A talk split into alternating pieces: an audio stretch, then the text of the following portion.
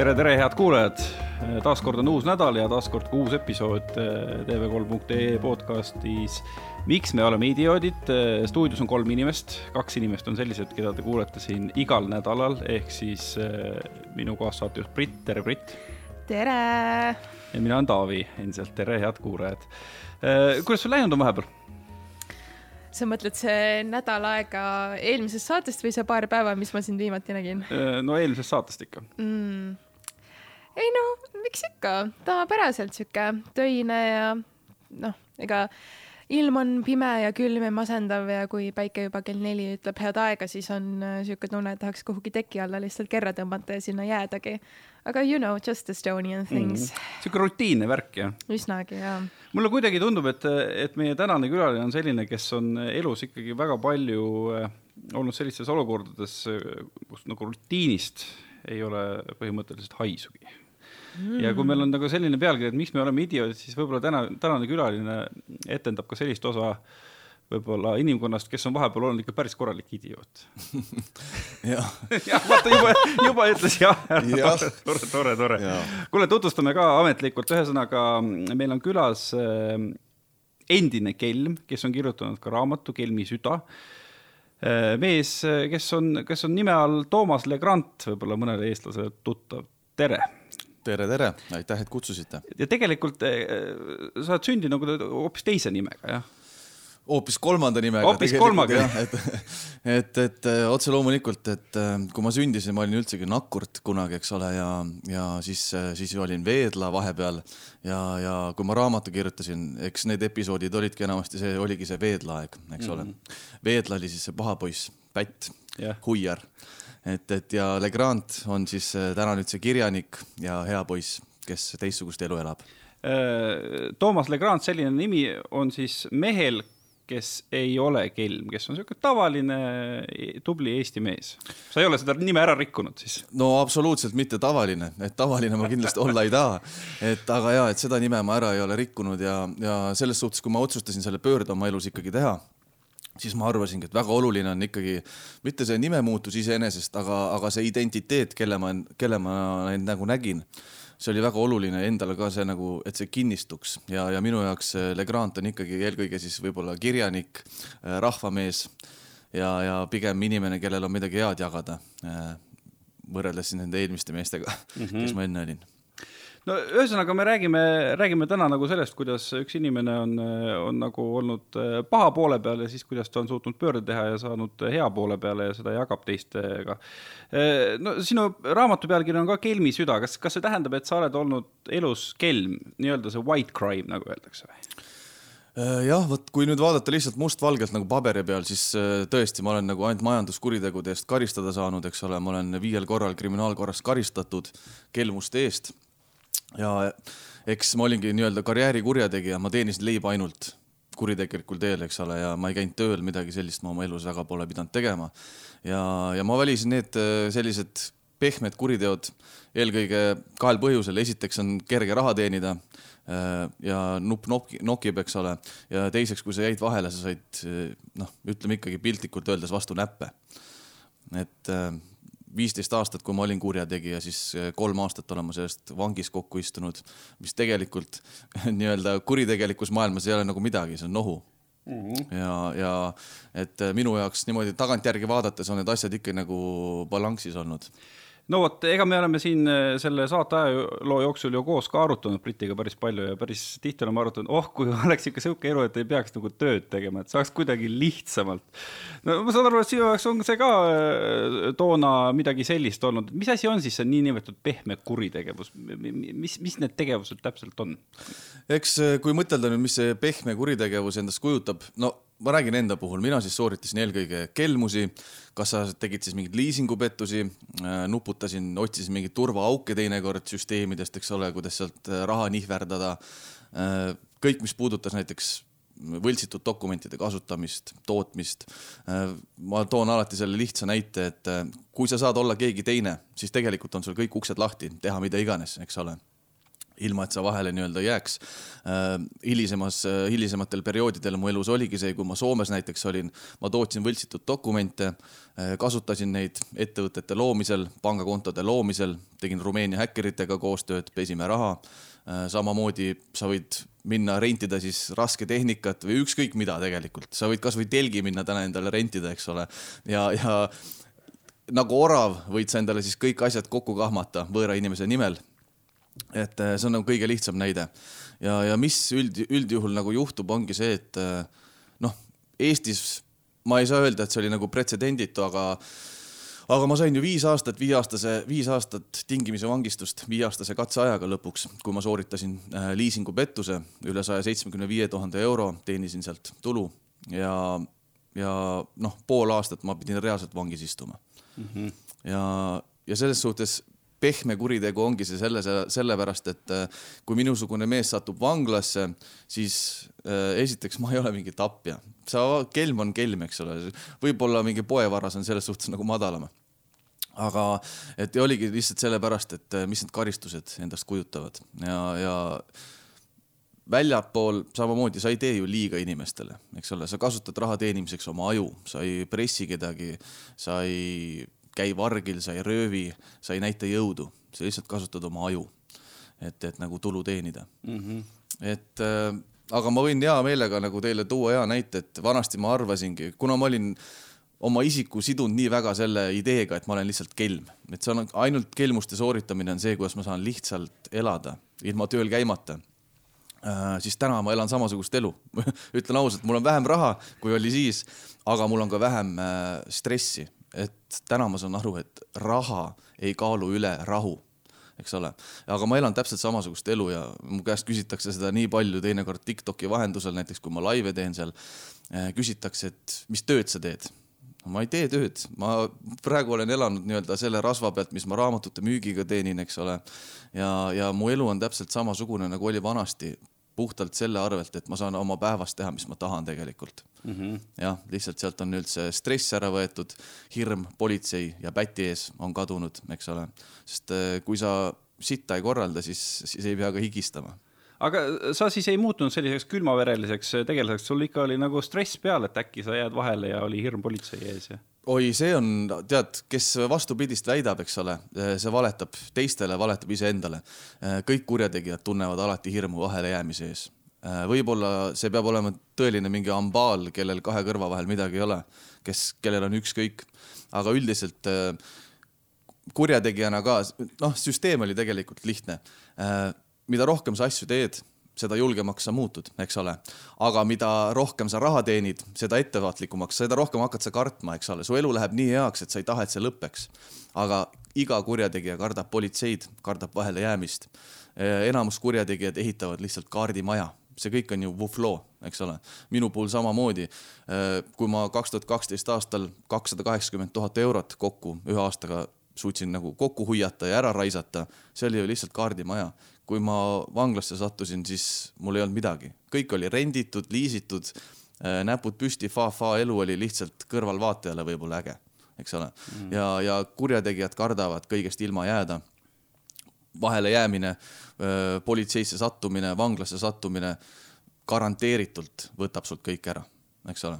väga üksikud kurjategijad on targad, kes oskavad raha koguda, äh, kes suudavad seda peita, eks ole väga-väga üksikud. ma olen oma elus kohanud paljusid kurjategijaid, võib-olla kaks-kolm on neist suutnud nii-öelda jutumärkides nagu eduka inimese elu üles ehitada, mis on nagu püsiv. aga need on teise kaliibriga mehed ka, et, et need ei ole enam mingid lihtsad poisid. ja, ja ma arvan, et lihtsalt seal tuleb see vahe nagu sisse, et päeva lõpuks ei olnud ma mingi superkelm, ei olnud ma mingi teab mis geenius, eks ole, ei olnud ma mingi maffiaboss mis mind eristas võib-olla teistest, oligi pigem see, et ma olin hästi julge minema, katsetama, tegema, ma hästi palju asju tegin üksinda ikkagi, ma panin oma pea tulle alati, eks ole. ja, ja, ja samas oligi see, et ma hästi palju asju tegin välismaal. oma raamatus ma seda väga ei ole puudutanud, aga, aga uues raamatus, mis praegu varsti välja tuleb, Hundi loomus, seal enamus mu tegevus toimub välismaal, enamus mu kuriteokaaslasi on väljamaalased, eks ole. ja, ja mul just üks tuttav vanast elust kirjutas mulle üks päev, ütles ka, et kurat, sa oled ikka nii haige vend, et ta luges mu esimest raamatut ja ütles ka, et et sa tegid selliseid asju, mida mõned ei julge pundiga ka koos teha, et läksid kuskil Iisraelisse juudi maffiaga kohtuma üksinda, et vale raha näiteks tuua, eks ole.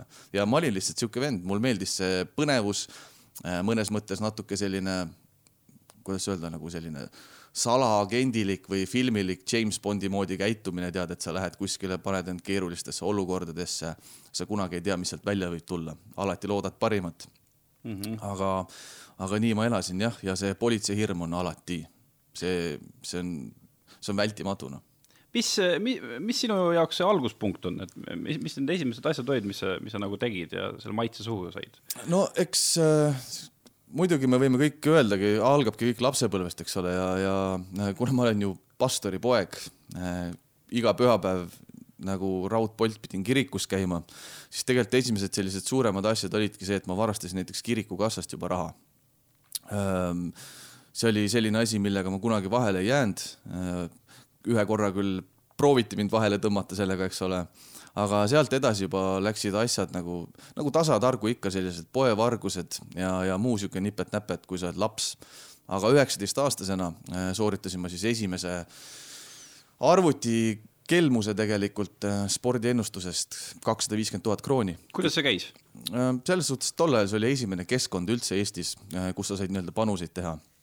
ja, ja nagu ikka, kui sa raha kannad sinna, märkisid ära kõigepealt näiteks, et ma tahan tuhat krooni kontole kanda, edasi suunati sind panka. Äh, tol ajal see oli SEB või Ühispank vist oli tol ajal õigemini see nimi ja, ja vot selle pangas, äh, panga ja spordiennustuse vahepeal sain ma selle summa ära muuta. nii et kui see leht suunati nüüd panka, et ma makse kinnitaksin, siis seal ma muutsin selle tuhat ainult üheks, võtsin selle panga lähtekoodi lahti, muutsin summad ära, salvestasin lehe arvutisse ja, ja kuna see protsess käis nii-öelda, ma ei noh, cookid nii-öelda tänapäeval võib-olla paljud teavad, et kui sa oled kuskile sisse logitud, siis sinu arvutisse jääb see nii-öelda parasjagu see leht aktiivseks, eks ole. ja, ja tänu sellele äh, see leht, mis ma salvestasin nüüd enda arvutisse, kus oli summa ainult üks kroon, kinnitasin makse ära tagasi kaupmehe juurde ja kontol oli ikka tonn et, et ja nii see asi käis ja.... kuidas sa üldse tuled siukse asja peale pehmelt öeldes geniaalne natuke jutumärkides, aga noh. jah, et vot see on jälle see taust, et ma olin ju tegelikult kuuendas klassis, kui ma noh, arvutid on mind alati huvitanud. Äh, onu töötas mul küberneetika instituudis, eks ole, ja õpetas mind väikest viisi programmeerima, utsitas mind seda tegema. mul oli nii sitt arvuti kodus, et arvutimänge ma mängida ei saanud, siis mul ei jäänud muud üle, kui hakata uurima kõike, mida muud saaks teha, mis jama korraldada. ja, ja ma arvan, et see oli tegelikult äh, selline nii-öelda see lävepunkt mulle, sest ma kõik algab lapsepõlvest, eks ole, see, et ma hakkasin varastama, ma tänaseks tean, miks ma seda tegin, ma olen need asjad ära lahendanud enda sees. kui laps kasvab äh, autoritaarse korra keskel sul tekib selline mässumeelsus, eks ole, paratamatult. see on inimese alateadlik soov oma jalg maha panna, hakata vastu oma vanematele. see on see, mis pani mind varastama, see on ka see, mis pani mind äh, häkkima eks ole. ja kui sa arvutis teed kuritegusid, äh, vahelejäämise võimalus on olematu. lapsena sa üldse ei mõtle selle peale. ja, ja see nagu lõi sellise vundamendi mulle aastaid-aastaid äh, arvutis uurida kõike, see muutus nii normaalseks mu jaoks. ja üks hetk, kui ma olin spordiennustuses, ma olin üheksateistaastane, mu rahad seal päriselt otsa said, siis ma mõtlesin, kuule, nii see asi ei käi. et, et lihtsalt mingi keskkond võtab mult raha ära, et mina pean raha sealt saama ja ma tegin seda, mida ma olin harjunud tegema, ma hakkasin otsima neid vigu. ja kui ma selle vea leidsin äh,, ma isegi ei mõtelnud kaks korda, ma ütlen ausalt täna, ma ei mõtelnud isegi kaks korda, et sellest mingi jama võib pärast tulla. Tol hetkel ma nägin seda võimalust lihtsalt raha saada ja ma kasutasin seda no ja vaata, ega nüüd, kui teistpidi mõtlema hakata, siis ma kujutan ette, et sinu jaoks tol hetkel võis olla nagu sama nagu paljude jaoks, ka minu jaoks on omal ajal olnud see, et sa tirid kuskilt mingit muusikat alla ja tirid filme alla ja see on ju ka tegelikult nagu idee poolest kuritegevus, aga kuidagi sa ei mõtle selle peale. otse loomulikult, näiteks ma ütlen, minul, kui mul see muutus ära käis, eks ole, ma otsustasin, et enam ma ei ole kurjategija, ma ei tammu neid samu mustreid ja mu maailmapilt muutus nagu meeletult. mina lõpetasin täielikult näiteks ka filmide allalaadimise. ja, ja miks? ma ei hakka tooma mingit äh, helesinist põhjendust, et oi, muusikud kannatavad, nad ei kannata nagunii, eks ole, vahet pole selles suhtes. aga ma otsustasin ära, et äh, minu jaoks vargus täna tähendab seda, et kui ma võtan midagi või ma saan midagi, mida ma ei ole ära teeninud, ma ei ole omapoolset panust sinna pannud, eks ole. vahet pole, kas siis raha näol, töö näol, oma aja näol. Kui ma võtan midagi või saan midagi, mida ma ei ole ära teeninud, siis minu jaoks see on vargus, eks ole, ja ma ei taha varas olla, ma ei taha varastada. ja, ja see on põhjus, miks mina, täna ma ei tõmba ühtegi programmi, ma ei filme ma tegelikult ei vaata üldse ammu, eks ole, aga, aga näiteks lastele ka, kui multikaid või midagi, siis ma kasutan lihtsalt Netflixi, et eh, noh, see tol ajal see oligi normaalsus. jutumärkides võib öelda, et kõik ju tegid seda, kõik tõmbasid filme ja, ja nii, aga, aga minu jaoks see on jah äh,, tänaseks nagu eilne päev jah. Ma just tahtsin öelda, et siis me oleme kõik siin laua taga vist kriminaali no ikka, aga see on tegelikult karm reaalsus, vot, vot see on üks asi, mis äh, mul nagu üldse ei meeldi inimeste puhul või noh, mis, see ei ole minu asi, kas meeldib või mitte, aga ma olen märganud seda, et inimestele väga meeldib näpuga näidata teiste peale, eks ole. ja, ja nad ei mõtle, iseendale otsa ei vaadata, et palju sa tegelikult ise mingit jama korraldad. lihtne on öelda, et Tom, vana huiar, vaata, pettis ja oli kelm. aga palju sa ise tegelikult oma elus valetad, annad katteta lubadusi, äh, tegelikult hoiad inimesi, varastad, eks ole, isegi kui sa tõmbad filmi või mida iganes, eks ole me kõik teeme selliseid asju, kõik inimesed valetavad, kõik inimesed varastavad, on ebaausad ja, ja lihtsalt me ei, enamus inimesi ei ole nõus endale otsa vaatama. ja, ja see ongi see, mis mind nagu on pannud nii vabameelselt rääkima kõigest, milline ma olen, sest mul on, esiteks mul on ükskõik ja teiseks ma tean, et kõik inimesed, te olete ka samasugused. No ja nagu see vana ütlus on, et kui sa näitad kellele, kellegi poole näpuga, siis kolm näppu vaatavad samal ajal sinu enda poole. Äh, kui nüüd väga filosoofiliselt küsida, siis äh, see, et sa pastoripojana varastasid äh, sealt kiriku kassast raha, kas Jumal on sulle andeks andnud või? ma arvan, et kui inimene ise andestab endale, siis ei oma enam tähtsust, kas keegi muu ka andeks annab. et see oli, kusjuures see on üks väga huvitav asi. Mm, tänaseks ma olen meeletult sellise organiseeritud usuvormide vastu täielikult. vahet pole, kas me oleme siin kristlased äh, või me käime Adilas kallistamas kõik koos, eks ole, ja oleme mingi spirituaalsed. Päeva lõpuks on see kõik sama ja, ja ma olen täielikult selle vastu. Äh, esiteks, see äh, piirab inimesi, see paneb meid kasti. teiseks, religiooni poole pöörduvad, mina isiklikult usun seda, usu poole pöörduvad inimesed, kes ei ole nõus vastutust võtma, onju mhm. Preach. sellepärast, et lihtne on nagu mina tatikana ütlesin, saatan minu sees pani mind seda tegema, eks ole. ei, see ei olnud mingi saatan, see oli minu oma tahe, mis iganes mind käivitas midagi tegema, eks ole. aga vot ja kirikus ongi see, alati on kõik teised süüdi. ja see on üks asi, mis minu jaoks on meeletult nagu vastuvõetamatu. ja, ja mina täna ei hooli sellest, kas äh, kristlaste jumal on mulle andestanud või mitte. see, kuidas mind kujundati, mind programmeeriti, mind kasvatati lapsena Äh, otse loomulikult ma kandsin seda meeletult kaua endaga kaasas ja, ja ma ütlen ausalt, äh, ma oma kasuisale rääkisin ükskord saunas seda, et ma lapsena olin varastanud. mind see oli äkki mingi kümme või kolmteist aastat oli see mul kukil olnud, eks ole. ja, ja kui ma talle selle ära rääkisin, siis mina sain sellest vabaks. aga see mees oli umbes nii, et millest sa üldse räägid, et ma ei mäletagi või, või tal oli nagunii ükskõik. et ma arvangi, see selline jumalik andestamine, see on see, mis inimesed peavad iseendaga suutma teha. meie ainult ise paneme ennast kannatama. täna ma olen täielikult aru saanud sellest. Äh, ma olen nii palju tööd pidanud iseendaga tegema, endale otsa vaatama, kui mäda ma olen. Sest isegi sel ajal, kui ma elasin seda päti elu, ma arvasin, et ma olen hea inimene. eks ole, et ma hoolitsen oma pere eest, mida iganes. aga mul võttis kaua aega, et andestada iseendale ja ma arvan, läbi selle andestamise, kui, kui sa iseendaga saad sõbraks, siis teised inimesed ka leebuvad ajapikku et, et aga jah, mis kristlaste jumalat puudutab, siis see jätab mind täna jumala ükskõikseks jumala ükskõikseks. Äh, kuule, sellest räägitakse ju kogu aeg tohutult, tohutult palju, et igasugused petuskeemid möllavad ja tulevad jälle uued ja jälle on sajad ja tuhanded inimesed selle lõksus. kuidas see on võimalik, et inimesed on nii kergesti äraräägitavad ja kergesti pettuse lõksu püütavad? mina arvan, et see kõik taandub kahele asjale ahnus ja hirm, eks ole. Pole ühtegi muud motivaatorit äh, nagu, mis paneb inimesi tegutsema. esiteks, kui me räägime nendest kelmustest, kus pakutakse, noh, need investeerimiskelmused mm. -hmm. To, ma toon lihtsa näite, inimene on võib-olla kakskümmend aastat reaalselt tööd teinud, raha kogunud. ja, ja keegi ütleb talle nüüd, sul on võimalik teenida kiiresti hõlptulu. see on ahnus, eks ole. kui sa ei ole ahne, siis sa ei jääks sellest rahast ilma nii juhtubki nende inimestega, kes on ahned. teiseks, vanainimeste puhul kasutatakse väga tihti seda hirmutamistaktikat, eks ole, see on teine asi. ja, ja kui inimesed ilmaasjata tunnevad hirmu, vot, vot ma ei oska öelda, mis paneb inimest hirmu tundma. päeva lõpuks see taanduks samamoodi, ma arvan, ahnusele, kui inimesele öeldakse, et mis need skeemid üldse on, et ma ei tea, keegi võttis su pangakontolt, tegi ülekande ja. ja, ja just, just, just, just. nii.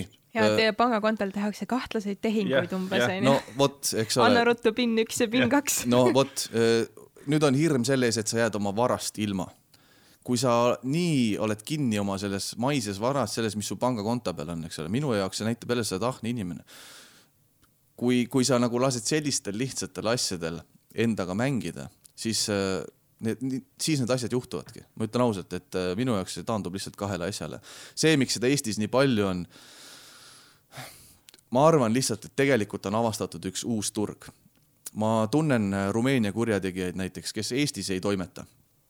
Äh, maailma tasemel kurjategijad on nad, üks kutt sai Ameerikast välja, istus seitse aastat kinni, kodust leiti miljon dollarit tol ajal, kui ta arreteeriti, eks ole.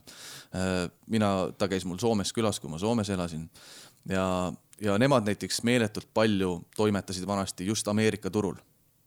inimesed olid lihtsameelsed, süsteemid on vanaaegsed, see on koopamehed on koos seal, eks ole. meil, mis juhtub, on see, et venelased suuresti on ära tabanud, et see Eesti turg toimib niimoodi. on ära tabatud, et inimestel on ikkagi raha ja, ja lihtsalt ma arvan, et Eestis eriti, kuna see selline nõukaaja mentaliteet on nii suuresti ikkagi inimestel veel sees, just vanematel, eks ole, kus ongi see hirm ja, ja see kogumine ja inimesed on reaalselt hordinud endale, ma ei tea, mis X summasid kokku, eks ole. ma toon näite, et mul kasuisa ema, eks ole, minu nii-öelda vanaema, eh, vana inimene, samamoodi kui sul on mingi sadu tuhandeid kogutud konto peale, siis minul tekib küsimus, mille jaoks sa seda teinud oled, eks ole. sul on võib-olla kümme aastat veel elada ja sa elad ikka, et sööd keedukartulit, mille jaoks sa oled seda raha kogunud enamus inimeste vastus on võib-olla see, et äkki mul läheb kunagi vaja seda, mida iganes, eks ole, et inimesed ei ela. ja, ja lihtsalt see ongi nagu ära tabatud Eestis, et ja, ja kuna seda ei ole nii palju juhtunud varasematel aegadel, seda turgu ei ole keegi tulnud niimoodi katsetama. nüüd venelased on selle ära tabanud, et see toimib. ma arvan, et see võtab veel viis kuni kümme aastat, sest äh, rumeenlased Ameerikas enam ei toimeta. see on lõppenud eks ole, seal oli väga lihtne, oli vanasti see, et pandi lihtsalt müügikuulutusi ülesse asjadega, mida kunagi inimestele ei saadetud. me oleme näinud äh, meedia vahendusel, kuidas Eesti paksud tüdrukud ka müüvad mingeid hilpe ja siis kunagi inimestele tegelikult midagi ei saada, eks ole. selliseid asju tehakse Eestis ka. ma arvan, et see võtab viis kuni kümme aastat, enne kui inimesed teadvustavad endale, et me peame, peame olema ise hoolikamad internetis eks ole, ja lihtsalt see, me oleme alles lapse kingades tegelikult siin. Ja sellepärast need asjad veel juhtuvad siin tükk aega. Et äh, Rumeenia kurjategijad on asja nii üle vindi keeranud, et mina isegi, kes ma pean end suht nagu intelligentseks ja nupukaks meheks, teinekord ahhetasin, mõtlesin, mõtlesin täitsa perses, et kuidas te nende asjade peale tulete. no näiteks? no ma toon ühe lihtsa näite, eks ole, ja, ja see oli lihtsalt mudel, mida ma ise hiljem kopeerisin. Äh, varem kõige lihtsam oli see, et internetis said osta teiste inimeste krediitkaardi andmeid. Nende andmetega sa said siis osta endale kaupa. see oli see, see on standard, kuidas inimesed toimetavad, ostavad näiteks nutitelefone ja siis müüvad need lihtsalt maha. Äh, mida mina hakkasin tegema pärast ühte vestlust rumeenlastega, kui saunas nad mul istusid, äh, ma lõin ise oma internetipoe, äh, maksekeskusega sõlmisin lepingud. Need krediitkaardi andmed, millega ma muidu oleks kaupa ostnud varem neid ma hakkasin kasutama, et enda poest osta ja selle asemel, et saada endale mingeid nutitelefone, ma sain reaalselt raha kohe kontole, eks ole. et äh, see on pealtnäha väga lihtne. aga ma ise selle peale ei olnud tulnud lihtsalt, vot, et see on üks lihtne näide. teine asi, mida väga osavalt äh, nad nii-öelda ära kasutavad, ongi see, et äh, nad kulutavad, kulutavad esiteks meeletult, meil on meeletud eelarved skeemide läbiviimisel, näiteks turundamise puhul üks kutt reaalselt kolm tuhat eurot päevas kulutas Google Adside peale, et Google'is reklaamida oma siis näiteks Airbnb või mingi hotellilehe klooni või mingi, ma ei tea, turismifirma klooni. et see oleks seal ees, kui inimene trükib sisse, ma tahan Tenerifele minna, ta vaatab, aa, näe, Estraveli pakkumine, eks ole. See kõik näeb nii legit välja. Ja mis siis juhtub, ongi see, et inimene toksibki oma krediitkaardi andmed sinna ikkagi ise sisse. Ja, ja see kutt teenis kuudes sadu tuhandeid lihtsalt sellega. Ja need asjad ei lähe kohe hapuks, sest inimene broneerib reisi tulevikku endale, eks ole, broneerib selle Airbnb öömaja kunagi tulevikku endale. Ja kõik need rahad kühveldatakse sealt välja. et äh, need summad on nagu kosmilised, mida need rumeenlased niimoodi teenisid. et äh, üks kutt samamoodi, ma toon viimase näite, kes Londonis oli. Nemad iga aasta läksid paariks kuuks Saksamaale. Ja, ja nüüd on levinud see pettus ka näiteks, et ostetakse autosid, eks ole, nii-öelda Saksamaalt mingi firmaga, autot sa kunagi ei saa, raha oled pidanud ette maksma. Nemad tegid sama asja raske tehnikaga, nad seadsid reaalselt kontori püsti, lauatelefonid, võltsitud dokumentidega olid loodud ettevõtted, asjad ja võtsid selle paari kuu jooksul viissada tuhat eurot. Nad ütlesid, nad teevad üks-kaks tehingut, viissada tuhat et aga see oli nii läbimõeldud, nii professionaalne, et saate aru, et inimene, kellel on viissada tuhat või ettevõte, kellel on viissada tuhat eurot välja käia, jäi selle lõksu, eks ole et, et selles suhtes rumeenlased on väga-väga ohtlikud mm. -hmm. no aga sa räägid praegu järjest, et üks ja teine ja kolmas lugu, aga, aga tihtipeale politsei kommentaar nende kõikide asjade peale tuleb, et, et me ei saa nagu küüsi taha sellele asjale ja nii jääb. kas see tähendab, et politsei lihtsalt ei hakka nende asjadega tegelema või, või on seal midagi muud, et kuidas sina neid inimesi tunned, kuidas politsei siis ei tunne neid?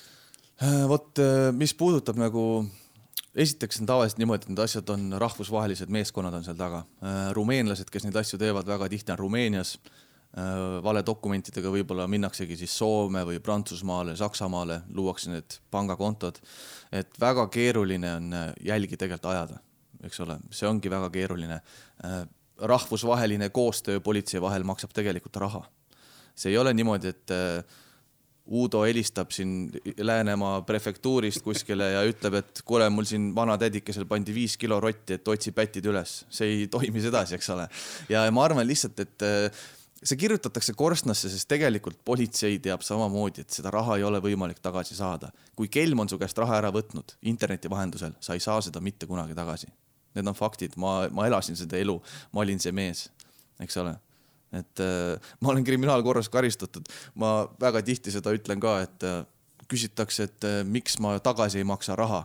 et kui ma selle liisingupettuse sooritasin, kriminaalsel teel sada seitsekümmend viis tuhat eurot teenisin, eks ole.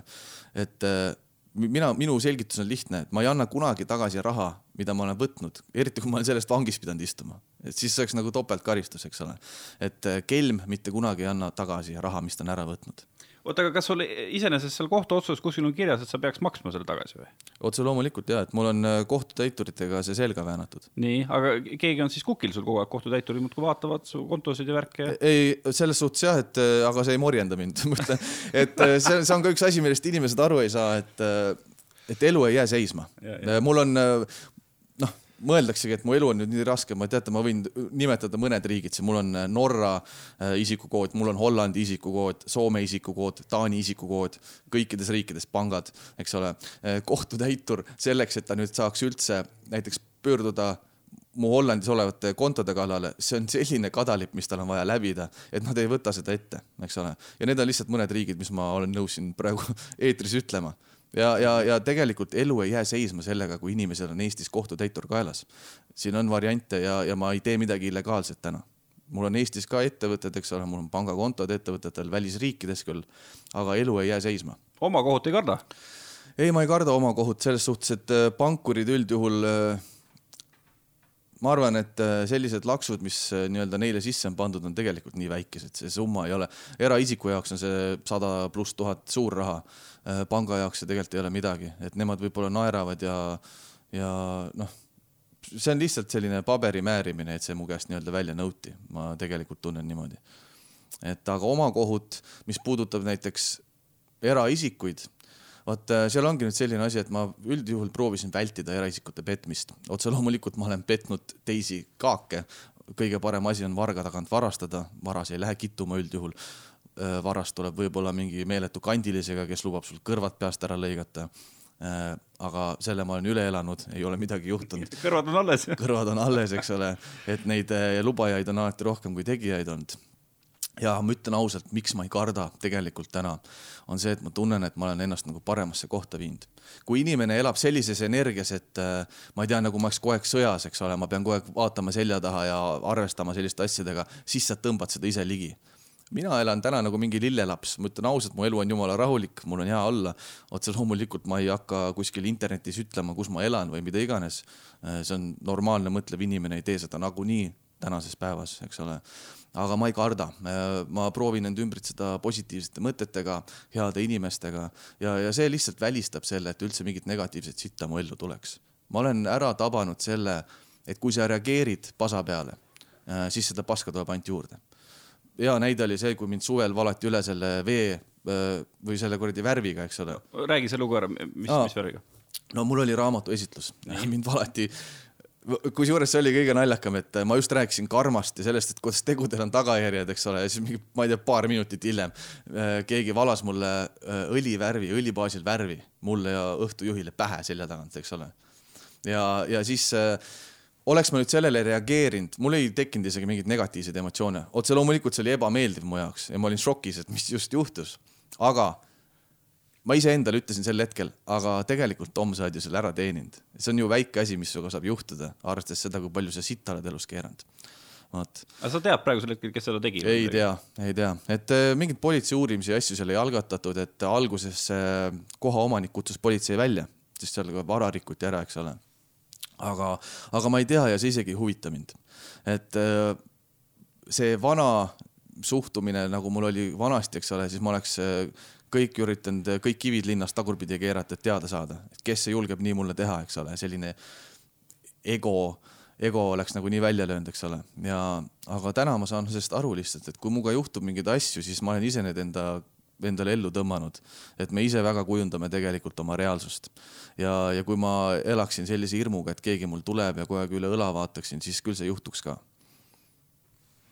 Aga nagu, kui sa olid seal spordiportaalis on ju, see on mingi kõige esimene sihuke siis nii-öelda suurem kelmus, mis sa läbi viisid, et kuidas sealt nagu edasi see kõik hakkas rulluma või no ma oletan, see ei ole ju see, et ma lähen CV Keskusesse, näen kuulutust, on ju, kelm või pätt ja kriminaal ja kandideerin, aga et kuidas nagu kõik need, need rumeenlased, kuidas sa nagu satud nende inimeste ringkonda, siis mina lihtsalt, mulle endale tundub see nii selline tume maa, ma ei tea mitte midagi sellest, et ku, kuidas see, kuidas see läheb nii, et ühel hetkel sa oledki seal tohutus süsteemis sees Äh, vot see ongi nii huvitav, et kui ma selle spordiennustuse asja tegin, ma ei tundnud ühtegi inimest, kes oleks vangis istunud, ma ei teadnud tol ajal mingeid pätte ega mitte midagi sellist, mitte kedagi, eks ole.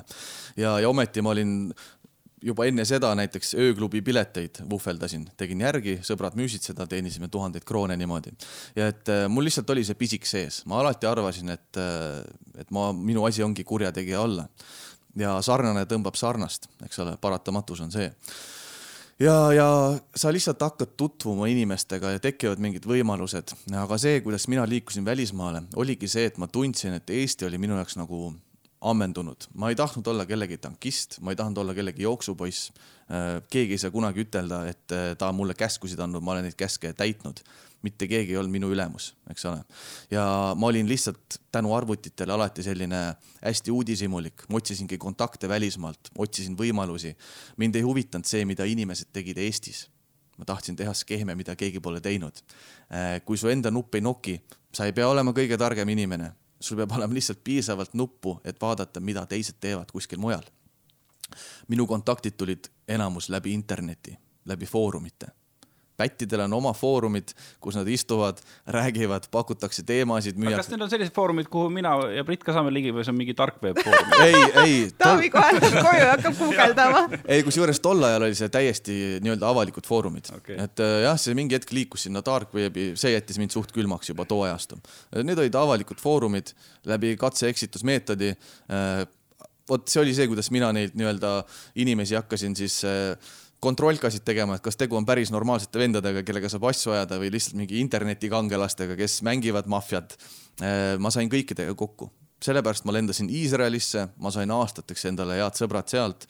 ma olen lennanud Londonisse, kelle kaudu ma tutvusin rumeenlastega, eks ole, et äh, ma olen käinud Saksa, Austria, noh, pool maailma on Itaalias äh, krediitkaardipetturitega sain kokku, tutvusin, et ma olen reaalselt viitsinud pärast suhtlust ütelda, kui me hakkame midagi tegema, me saame enne kokku eestlased üldjuhul seda ei tee, eestlased elavad oma väikest pundi elu ja nuputavad, mida me teha võiks ah,. teeme seda, mida Taavi teeb. kuule, tal on mingi päris hea skeem, proovime ka sedasama asja, eks ole. see on see, kuidas Eestis asjad töötavad. ja, ja kui keegi ei oska enam skeemi teha, siis hakkame narkootikume müüma. mina hoidsin ainetest nii eemale kui võimalik, see, see kunagi mind ei huvitanud et nii see läks ja nagu ikka selle asjaga, et kui sul labidas on käes ja sa juba kaevama hakkad, siis lõpuks sa sügavas augus oled, eks ole. ja, ja paratamatus või reaalsus on see, et kui mul hakkas raha sisse tulema, äh, ma olen väga rahahaige inimene olnud üldjuhul, eks ole. ma sain, võtsin endale noore naise, kelle jaoks mul oli vaja noh, et tal oleks kõik top notch, eks ole, ma arvasin, et rahaga ma saan osta endale armastust. Äh, nii see ei tööta, tuli välja, eks ole, aga, aga siis sa teenid, aga kulutad veel rohkem. ma hakkasin näiteks raha laenama päris gängsterite käest eks ole. ja, ja siis oli vaja jälle mõelda mingi uus teema, siis oli vaja juba kedagi petta, et need rahasid tagasi maksta. ja see lihtsalt kasvab nagu lumepallina, et äh, sellepärast ka ma ise mõtlesin, et see kakssada kaheksakümmend tuhat, miks see mul meeles on ja miks see nii märgiline oli mu jaoks, oligi see, et tegelikult see on meeletult suur summa. ja ma olin lihtsalt selle läbi läbi nagu paugutanud selle pleki, lihtsalt ära raisanud. ma istusin vangis, ma olin sõbrale veel võlgu kaheksakümmend tuhat eurot, tegelikult seitsekümmend kaheksa tuhat eurot, eks ole jurist tõi mulle veel paberi, allkirjastasin selle laenulepingu, istusin kinni, arvutasin kolm tuhat eurot kuus intressi, tiksus mulle kaela, lihtsalt kui ma istun kinni samal ajal, eks ole. ja mida siis inimene teeb? Kelmi südaraamatus on täpselt näha, mis mees tegi. ma tulin vangist välja, ma olin tagasi oravarattas. mul olid laenukohustused, mida ma pidin täitma, eks ole, eks mul olid laenud, mida ma pidin teenindama ja ma hakkasin tegema uusi asju, hullemaid asju, kus saab kiiremini raha, toppisin veel rohkem oma pea tulle. ja, ja see on see, see on see paratamatus, kui sa võtad laenu, eriti veel selles maailmas, sa pead oma laenud ära maksma. kedagi ei huvita, kuidas sa seda teed, aga sa maksad need asjad tagasi, eks ole. ja, ja see oli see karm reaalsus, noh, ma ei, ma ei saa täna ütelda, et mu elu oli juba õige ja ma väga häid otsuseid ainult vastu võtsin aga üks põhjus, mis ma tunnen, ongi see, et ma ise kaevasin seda auku endale, kuna ma kulutasin rohkem, kui ma teenisin. ma võtsin võlgu küla pealt, tõsistelt inimestelt ja, ja see oli see, mis mind nagu väga auku tegelikult viis mm. -hmm. no kuidas sa sealt august siis välja said äh,? alati, kui inimene vanglasse satub, siis ta korra tunneb, et ta sai august välja, siis, siis ei saa keegi sind nii-öelda pressida, siis sa saad puhata lõpuks. aga, aga tegelikkus on see, et äh, ajapikku sa klatid neid asju ära ja, ja mis mind nagu tegelikult sellest august välja tõi, oli see, kui ma kaks tuhat üheksateist äh, Soomes mind vahistati. ja see oli mu kolmas suhe, mul on kolme naisega viis last, eks ole. ja ma mõtlesin, et täitsa perses vana oled, et sa paned sedasama käekirja kogu aeg, et ütle mulle, Tom, milline su elu soob, et kas sa oled viiekümne aastane, siis istud jälle vangis või? see oli see, kuidas ma hakkasin esimest korda mõtlema nagu päriselt esimest korda elus ma kartsin oma naisest ilma jääda, sest äh, tema, tema puhul oli, ma tõesti uskusin, et ta on mu nagu eluarmastus. ja, ja esimest korda elus nutsin vanglas selle hirmu tõttu. Äh, nutsin sellepärast, mida ma olin nagu inimesi, mis inimesed pidid läbi elama minu tõttu. ja, ja ma otsustasin, et äh, aitab ja kuidas august välja saab, ma lõikasin kõik vanaelu inimesed ära, absoluutselt. Nagu iga kui viimse inimese. Ja oli inimesi, kes käisid kuid ja kuid mulle veel peale, et teeme mingi teema, aita mind ühe või teise asjaga, lähme lihtsalt saame kokku. ma reaalselt pidin blokeerima neid inimesi, ma pidin ise ka tugevaks jääma, sest see oli minu turvavõrk.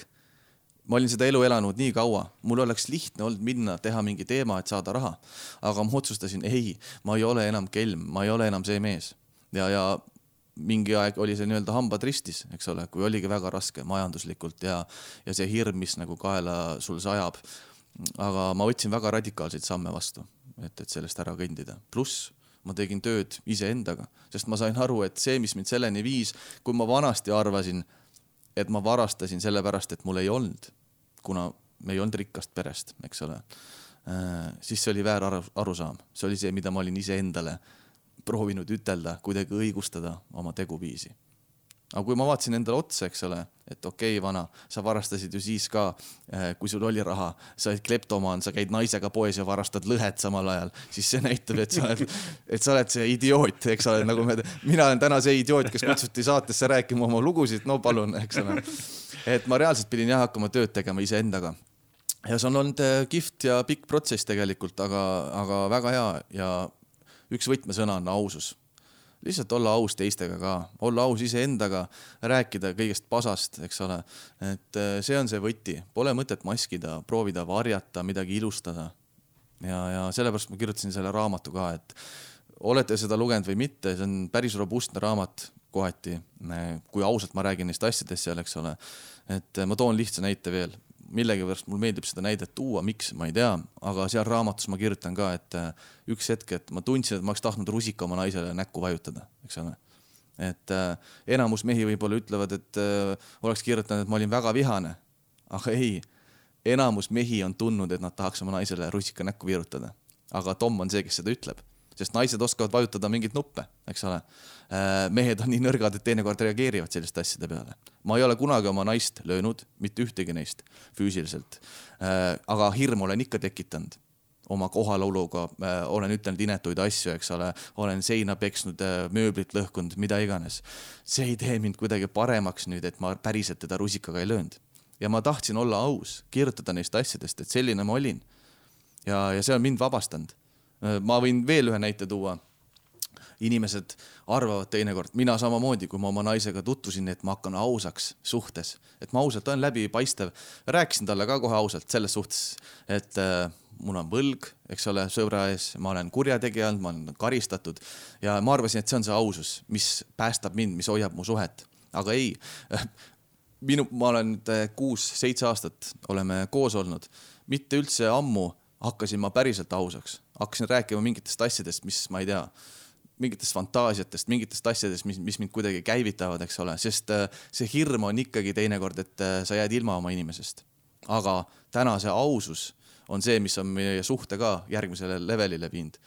Oletame, ma ei tea, kui mul meeldiks äh, näppu pepusse pista või mida iganes, onju, siis ma räägiksin sellest oma elukaaslasele ja, ja, ja siis ei ole enam probleem eks ole, aga seni, kui ma teen sellist asja salaja ja mul on mingi ikkagi mingi saladus, siis tegelikult see lõhub suhet. Mm. -hmm selle viieteist aasta jooksul, kui sa, kui sa olid nagu kuritegelikus maailmas, siis no e-, eks seal oli ju tegelikult kogu see, kogu aeg sa elasid nagu isiklikku argielu ka, et et sul oligi äh, nagu silmarõõm ja sul oli kindlasti sõpru, kes olid pärit mitte sellest maailmast, et et kui palju neid inimesi oli, kelle, kelle ees sa ei hoidnud maski või, või kellele sa rääkisid, et sa ikkagi millegagi tegeled, ma saan aru, et ega päris aus ei olnud vist kellegi suhtes, aga vot see ongi üks naljakas asi tegelikult, et äh, kui ma need inimesed ära lõikasin, mu elus ei olnudki tavalisi. ei olnudki tavalisi inimesi? mul jah. ei olnudki, näiteks ma, ma ei suhelnud ju oma vanematega ka ja, ja vanaisaga ja, ja raamatus see naisterahvas Maria, eks ole, kes mul kahe lapse ema on ajast, kui ma temaga koos hakkasin olema, ma keerasin selle nupu nagu põhja, okei okay,, nüüd ma olen pätt, nüüd ma võin aineid teha, mul on inimene, kes seda aktsepteerib,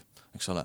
ja ma suht lõpetasin suhtlemise oma vanematega, kõik, kes olid nii-öelda tavaelust, et ma ei peaks maskima, et ma saan olla, kes ma tahan, et ma ei pea mingi hoiama, valetama, varjama.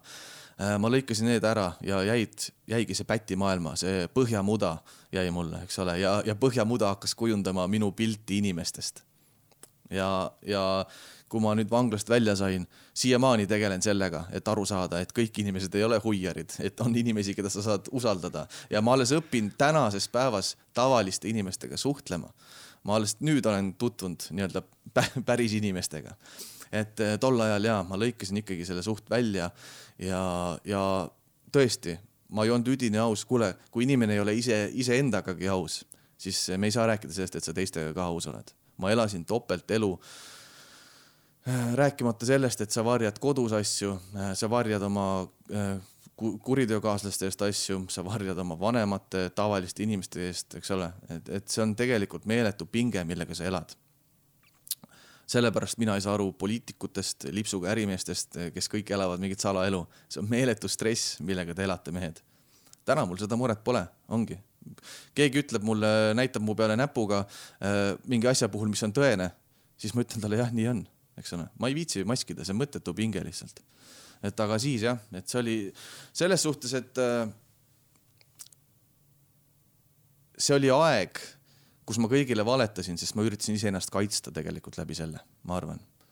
et, et ma ei olnud valmis äh, selleks, et keegi ütleb mu kohta, et umbes, et sa käitud valesti või sa elad valesti või mis iganes, sest seda ma sain nagunii seda kriitikat ilma ütlematagi, ma nägin ju seda oma vanemate pealt näiteks, eks ole, või vanaisa pealt või mis iganes, seda ma sain ütlematagi. ja, ja ma lihtsalt ei olnud selleks valmis, et siis ma lihtsalt lõikasin enamus inimesi välja elust, Need, kes mind ei aktsepteerinud, mu, mu tegutsemist ei aktsepteerinud, need ma lõikasin välja. Ja ma elasin tegelikult väga üksikut elu mm.. no tegelikult sa oled ikkagi tohutult palju aega ära raisanud oma elust nii-öelda ju äh,. otse loomulikult. Ma... ma tahtsingi nagu küsimusega sinna jõuda, et no see on nagu, nagu see filmi klassika, et mina ise tulin endale peale, et sa ütlesid ka, et eks sa ise oled seda kõike teinud, sa pead eh, nagu endale andestama ja ise, ise nagu aru saama, et sa oled süüdi, aga ikkagi, kui kuidagi ka laiemalt mõelda, et et kas sa oled mõelnud, eh, kas keegi oleks mingis varasemas faasis sinu nagu kurjategija tee alguses saanud midagi teha, et sind nagu teisele teele puksida, kas siis konkreetselt sinuga suheldes või ma ei tea, oleks ilmunud kuskil mingi raamat, oleks olnud mingisugune telesaade või midagi sellist, oleks mingi teistsugune seadus olnud, ükskõik mis, oled sa mõelnud? Äh, eks ma ikka olen mõelnud ja ma tean, mis see vastus on mitte miski või mitte keegi ei oleks saanud mind teisele teele suunata, sest selle otsuse võtsin ma ise tegelikult vastu. mitte keegi teine ei saa sind päästa, kui sa ise ei taha päästmist. ma räägin niimoodi, ma olin äh, kurjategija äh, korgijoogist kunagi, sattusin koomasse. pärast seda ma läksin Norra Ameerika missionäride juurde kes proovis mulle seda Jeesuse värki väga tugevalt nii-öelda peale suruda, et ma keskenduksin ainult Jumalale see ei muutunud mitte midagi mu elus, eks ole. kaks tuhat kaksteist ma sattusin vanglasse, lugesin Nekrassovit, Oshot, Coelhot, mida iganes lugesin, hakkasin oma hingega tegelema, toimusid esimesed ärkamised. see ei muutnud midagi tegelikult. Sellepärast, et ma ei olnud tegelenud juurprobleemiga ma ei olnud oma vundamenti hakanud korrastama, eks ole. ja, ja vundament on see, mis algab su lapsepõlvest, su kodust. me võime öelda, et vanemad ei ole süüdi, umbes nad proovisid oma parima bla,, blablabla, kõik see sinna juurde. aga tegelikult kõik algab kodust. võimatu ma olen, mul on palju lapsi, ma võin öelda, võimatu on kasvatada last niimoodi, et tal ei tekiks mingit kiiksu või häda. see on, see on võimatu mina võin loota täna, et äh, kui mina olen nii-öelda paranemise teel, et minu laps märkab seda, võtab sellest ise midagi, eks ole, ja võib-olla tema laps on siis parem, elab tervemat, parem ellusuhtumine, kõik, eks ole, eneseväärtus, kõik sellised asjad. aga kõik algab lapsepõlvest selleks, et ja, ja hea näide, mõni võib öelda, et Tom, mis sitta sa ajad, et äh, ma olen nelja lapsega perest.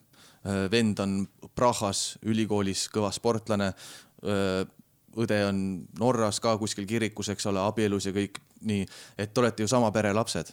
see ei vasta tõele. mina olin esimene laps. nii kui sündis uus laps, eh, peres suhtedünaamika muutub, eks ole. kui ema või isa jäävad töötuks, need pinged, need asjad, kogu aeg on see muutumises, eks ole. ei ole sellist asja olemas, et te olete sama pere lapsed. ja, ja minuga lihtsalt juhtus see, mis äh, juhtub väga paljude esimeste lastega. Äh, sa oled nagu see esimene pannkook, mis alati persse läheb, eks ole. et see lihtsalt on niimoodi ja seda ei olekski saanud muuta, noh, mina, mind, mind muutis ikkagi see, et minu enda soov päriselt muutuda. ma sain aru, et see elu on pask elu, noh. et ma ei taha seda kui, kui äh, jutt läks juba su lastele, et kui palju on üldse su lapsed kursis sinu minevikuga?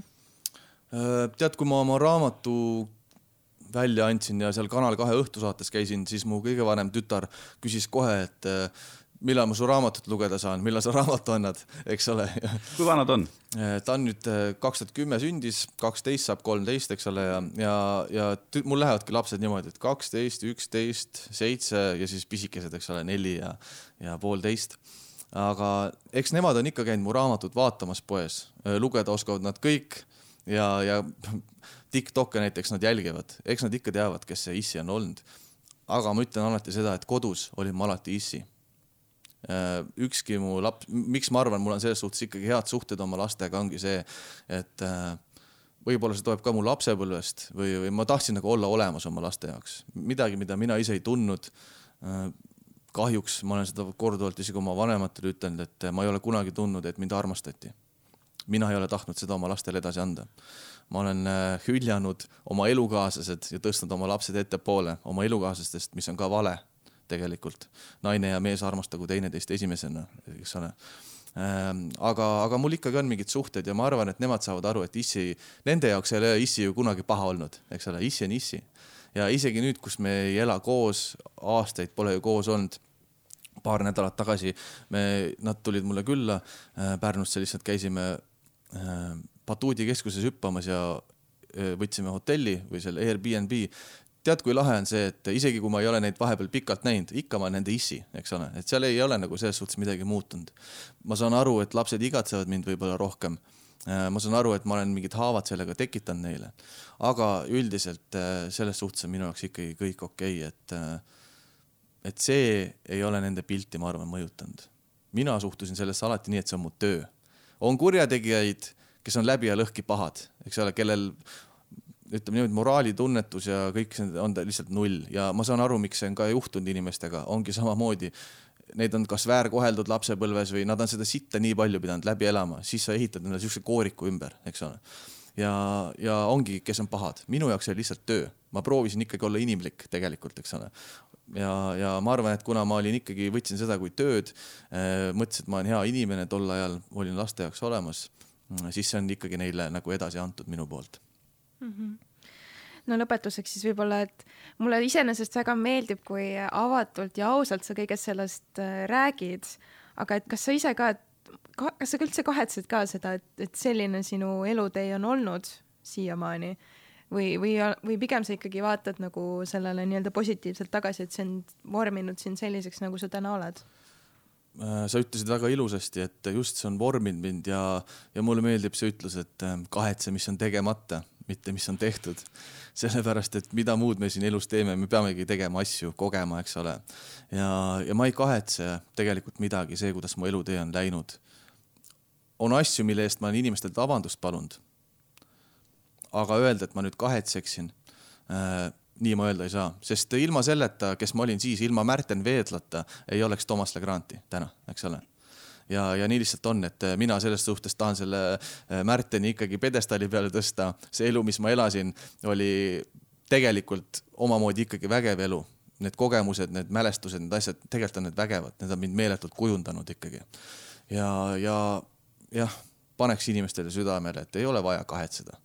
elu ei ole kahetsemiseks, elu on elamiseks no aga saab ju äh, siis äh, praegusel hetkel panna inimestele ka teisi asju südamele, kui meil on selline eksklusiivne võimalus, et et tõesti, anna soovitusi tavalisele Eesti inimesele, kuidas ta ei langeks petturi või kelmi õnge, mis on need peamised asjad, jätame selle ahnuse võib-olla kõrvale, et ära ole ahne, aga, aga lihtsalt sellised lihtsad asjad. Äh, lihtsalt võtame faktiliselt siis näiteks tee oma kodutöö ära, kui keegi tuleb sulle mingi pakkumisega. mina näiteks, ma toon lihtsa näite keegi tuleb investeerimispakkumisega su jaoks, tee oma kodutöö ära, uuri selle inimese tausta. Äh, teiseks, mis mina alati ütleks, on see, oletame, keegi tahab laenu mu käest küsida, Taavi tuleb mu käest raha küsima, ma tean, et Taavil on kodu, ma ütlen, ma annan sulle raha, aga paneme hüpoteegi peale, eks ole. kui Taavi sellega nõus ei ole, siis ma ei anna sulle laenu, sest järelikult on sul mingi muu agenda seal taga. järelikult sa kahtled juba oma maksevõimes, et sa mulle üldse raha tagasi annaksid, eks ole. see on üks asi. Äh, teiseks, üldse, mis puudutab selliseid see ei ole ilmaasjata öeldud, et kui see tundub liiga hea, siis järelikult on seal mingi mäda, eks ole. kui auto, vaatad müügikuulutusi või mis iganes, Titte Vanker, midagi on liiga odava hinnaga, siis järelikult on seal mingi jama, eks ole. üks väga huvitav asi, et ja see liigne usaldatavus on ka selline probleem minu jaoks. mul oli mullivann mõtlesime, et paneme maja taha terrassile mullivanni, naine ikkagi ei tahtnud, müüsin mullivanni maha selle ostis ära üks, ma ei mäleta, kas ta töötas, kas äkki oli mingi Sportlandi mingi tegevjuht või keegi ja kutt kandis mul pleki lihtsalt üle. ilma, et ma oleks väga suhelnudki ja ma mõtlesin, arvestades enda tausta kõike, ma mõtlesin, kuidas see on võimalik, et inimene lihtsalt kannab kellelegi raha niimoodi, et mina ise kunagi nii ei teeks. et äh, tasub olla ettevaatlik, kui võimalik, äh, tee sularahatehinguid käest kätte internet on täis selliseid pettureid, kui inimene ei ole nõus sinuga kokku saama või sularahatehingut tegema, unusta ära see asi ära lange selle lõksu, sest sa ei saa neid rahasid tagasi. politsei sind ei aita, politsei võib selle inimese pärast vangi panna, aga sa ei saa rahasid tagasi. et äh, need on sellised elementaarsed asjad. Mm, TikTok on täis, äh, Instagram on täis, Facebook on täis igasuguseid pakkumisi kogu aeg inimesed, kes üleliia palju peavad peale suruma oma tooteid, oma teenuseid, see on mäda. seda, see, ärge hakake neist asjadest kinni, eks ole heade asjade juurde minnakse nii ehk naa, head asjad müüvad ennast ise. et äh, need on ja, ja see on jällegi üks lihtne näide. kui mina pätt oleksin ja tahaksin mingit toodet müüa, mida ma tegelikult inimestele ei saada, ma teeks samamoodi, ma teeks palju reklaami. ma kulutaks võib-olla tuhat eurot, kui see toode maksab, oletame, ma ei tea, viissada, ma paneksin selle kolmsada üheksakümmend müüki, kulutaksin tuhat eurot reklaamile, mis tähendab võib-olla kolmsada tuhat inimest näevad seda reklaami. Ma olen kindel, et inimesed ostaksid seda ja ma teeksin ilusad reklaamid, ujutaks interneti üle selle reklaamiga.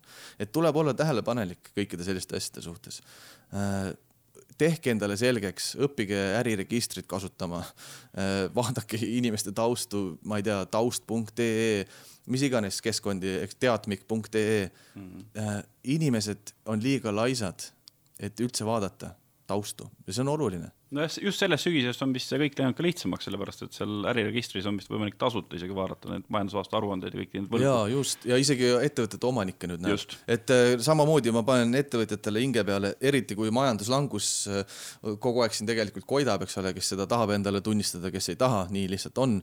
üha enam hakkavad ettevõtted teineteisele võlgu jääma kui keegi tuleb su käest kaupa ostma või teenust ostma ja võib-olla sinna on värskelt mingi juhataja pandud, eks ole, või see on uus ettevõte, ole ettevaatlik, sest et eh, see on kelmide tavaline taktika, ma sebin ühe tankisti, panen ta ettevõttesse. võib-olla see oli ettevõte, mis oli vana, ma ostsin mingit toimiva ettevõtte, aga ma panin sinna värske juhataja. võib-olla see juhataja on liiga noor, et tal saaks olla mingi vana ettevõte. kõikide selliste asjade peale tuleb mõtelda. et äh, mul ongi võib-olla sellepärast väga raske elada täna äh, et ma alati kahtlen kõigis, ma mõtlen, et ma mõtlen, et kõik on paha peale väljas. aga, aga teistpidi see päästab ka inimesi. Äh, kui sa ütlesid, et sa oled ikkagi väga palju oma elus olnud stressis ja kartnud, kuidas sul praegusel hetkel on, kas, kas sul on mingisugune hirm, et kas sinu enda vari või, või keegi teine minevikus saab su kätte või, või sa elad täiesti hirmuvabalt? ma elan täiesti hirmuvabalt, et äh, samamoodi nagu ma enne rääkisin sellest, et ma olin äh, ühele kivi peale raha võlgu, eks ole. teate, kui ma sain vanglast välja ja selle raamatu kirjutasin, väga paljud inimesed mu vanast elust võtsid minuga ühendust, ütlesid, vau, tubli, et sa oled saanud sellest elust ära liikuda. samamoodi näiteks see Boksjor, kes mul seal raamatus on, eks ole. Äh, mul on temaga oma kokkulepped tehtud, mina võin täna linnas rahulikult ringi käia ma olen sõbralikes suhetes inimestega. see ei tähenda, et ma nendega suhtlen, et ma nendega söömas käin, mida iganes, ma lihtsalt ei pea üle õla vahtima. Äh, inimesed väga tihti arvavad, et äh, kui sa mingist elust nii-öelda ära kõnnid, et nüüd on kõik hästi. nagu sa mainisid ka, tegelikult on nii, et kui ma olen sitasest välja ujunud, siis sitahais on ikka kaua küljes. ma ei saa nüüd lüüa vastu rinda, öelda, tulge kõik kallistame raisk, ma olen nüüd normaalne vana. ei saa nii, keegi ei taha mind kallistada, kui ma alles sita järgi haisen, eks ole. et see kõik võtab aega. aga jah, et selles suhtes hirmu ma ei tunne, et loomulikult ma olen pidanud astuma mingeid samme äh, et ise inimestega asjad korda ka saada, eks ole. sest eh, kui sa elad sellist elu, siis paratamatult on see pöörane elu, paratamatult tekib inimesele vaenlasi ja, ja noh, vaenlaste koha pealt ma ütlen niimoodi, et mees, kellel vaenlasi ei ole, ei ole mingi mees, et järelikult sa ei ole huvitavat elu elanud, eks ole, et äh, pigem karta inimesi, kellel on ohtlikud vaenlased, kui, kui meest, eh, kes on mitte keegi, eks ole, kellel pole vaenlasi ega midagi. aga jaa, üldiselt tunnen end hästi mm, rahulikult üle õla, ausalt ei pea vaatama. kui vanasti politseiauto nägemine tõmbas mul seest külmaks, siis täna on mul täiesti ükskõik.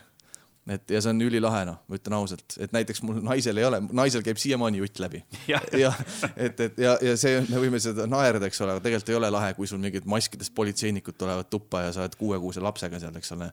et äh, see ei ole lahe jah, aga jah, et äh, ma, ma tunnen end väga hästi, ma olen ausalt nagu vabaks saanud neist asjadest ja mul on ainult rõõm kõige ees, mis alles tulemas on no seda on tore kuulda ja tore on ka see, et sa oled seda jaganud nii oma juba ilmunud raamatus kui ka siis sul on teine raamat tulemas, millal see valmis saab? Äh, detsembris ma katsun ta nüüd müüki saada, et äh, Hundi loomus jah, Kelmi süda kaks Hundi loomus ja see põhimõtteliselt räägib sellest ajast, mis esimene raamat lõppes ju niimoodi, et ma võtsin bandiitidelt raha ja panin tuld. ja, ja teine raamat räägib nüüd edasi siis minu ajast äh, Soomes kuni siis vahelejäämiseni. et väga palju on seal nagu Eesti organiseeritud, organiseeritud kuritegevust äh, Soomes äh,, mis toimus, mis skeeme tehakse, samuti ru rumeenlastest, eks ole, minu enda elust. ja teine raamat isiklikult on minu jaoks huvitavam isegi kui esimene. noh ideaalne jõulukingitus ju, kui detsembris välja tuleb. ei no ma, vaatame, et ma ei, ma ei ole selline nagu see klassikaline kirjastaja, kes vaatab, et jõulud tulevad ja peaks mingi raamatu andma. et päeva lõpuks esimese raamatu ka ma andsin ju X kuupäeval, et äh, mul oli algselt üks teine kirjastaja. ja tema ütles, et teeme seda sügisel, et müüginumbrite pärast ja mina ütlesin ei, ma ei, ma ei oota mingit sügist, et ma tahan selle ise ära teha ja siis ma ei mäleta, oli see nüüd märts või aprill, aprill mis on tegelikult sihuke aeg, kus väga raamatuid ei müüda nii-öelda, lihtsalt numbreid vaadates. aga esimest raamatut müüsin üle tuhande viiesaja eksemplari, mis on Eesti mõistes ülikõva tegelikult. ja vahet pole, kas seal olid siis mingid kirjavead või mitte, sest toimetajat ma ei kasutanud esimese raamatu puhul. see tagasiside on olnud ülimalt positiivne. aga noh, teise raamatu puhul ma võtsin toimetaja, teen asja professionaalsemalt ja, ja tuleb palju kihvtim raamat no Brit, kuidas tundub, kas äh, läheme tagasi oma tööde juurde või lähme nüüd foorumitesse kontakte otsima just mõtlesin, kus need foorumid ongi, mida ma guugeldama pean. ja kuule, aga suur-suur aitäh sulle, et sa meile külla tulid. jah, aitäh kutsumast ja oli väga kihvt tund aega või, või kaua iganes see meil kestis, aeg lendas päris kiiresti. aeg lendas jah, tund aega sai täis, aga, aga Toomas Legrand, suur aitäh, et tulid veel kord ja aitäh teile, head sõbrad, et kuulasite. järgmisel esmaspäeval jälle absoluutselt. kohtumiseni, kuulmiseni, kõike head, mida iganes olge tublid, ärge tehke kelmusi ikkagi, onju. tšauki